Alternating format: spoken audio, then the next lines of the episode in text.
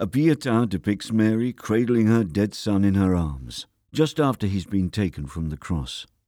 The theme was represented in sculpture from the 14th century, the period in which the veneration of the Virgin Mary became more widespread.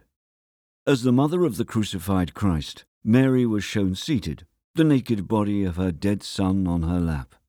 This allowed sculptors to display their anatomical knowledge.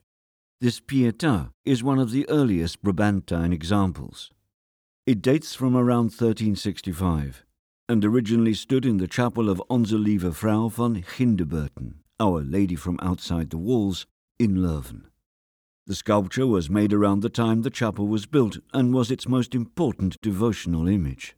Later on, other masterpieces were added, including Rogier van der Weyden's famous Descent from the Cross and Jan Borman's St. George altarpiece.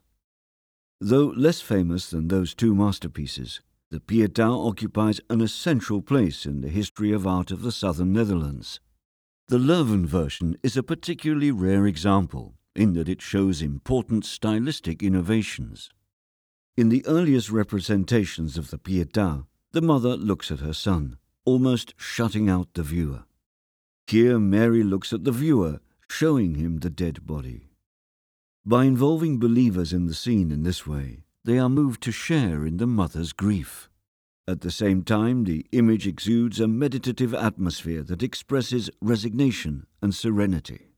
This reinforces its role as a devotional icon. This Pietà miraculously escaped the wrath of the revolutionary iconoclasts in 1795, and, after the demolition of the chapel, it was moved to St. Peter's Church in Leuven. You can see an opening in Mary's breast on the right hand side. This is explained by the new cult of the Seven Sorrows of Mary, which was established in the chapel of Onze Lieve Vrouw van Ginderbuiten in 1494. To find out more about this, click on B.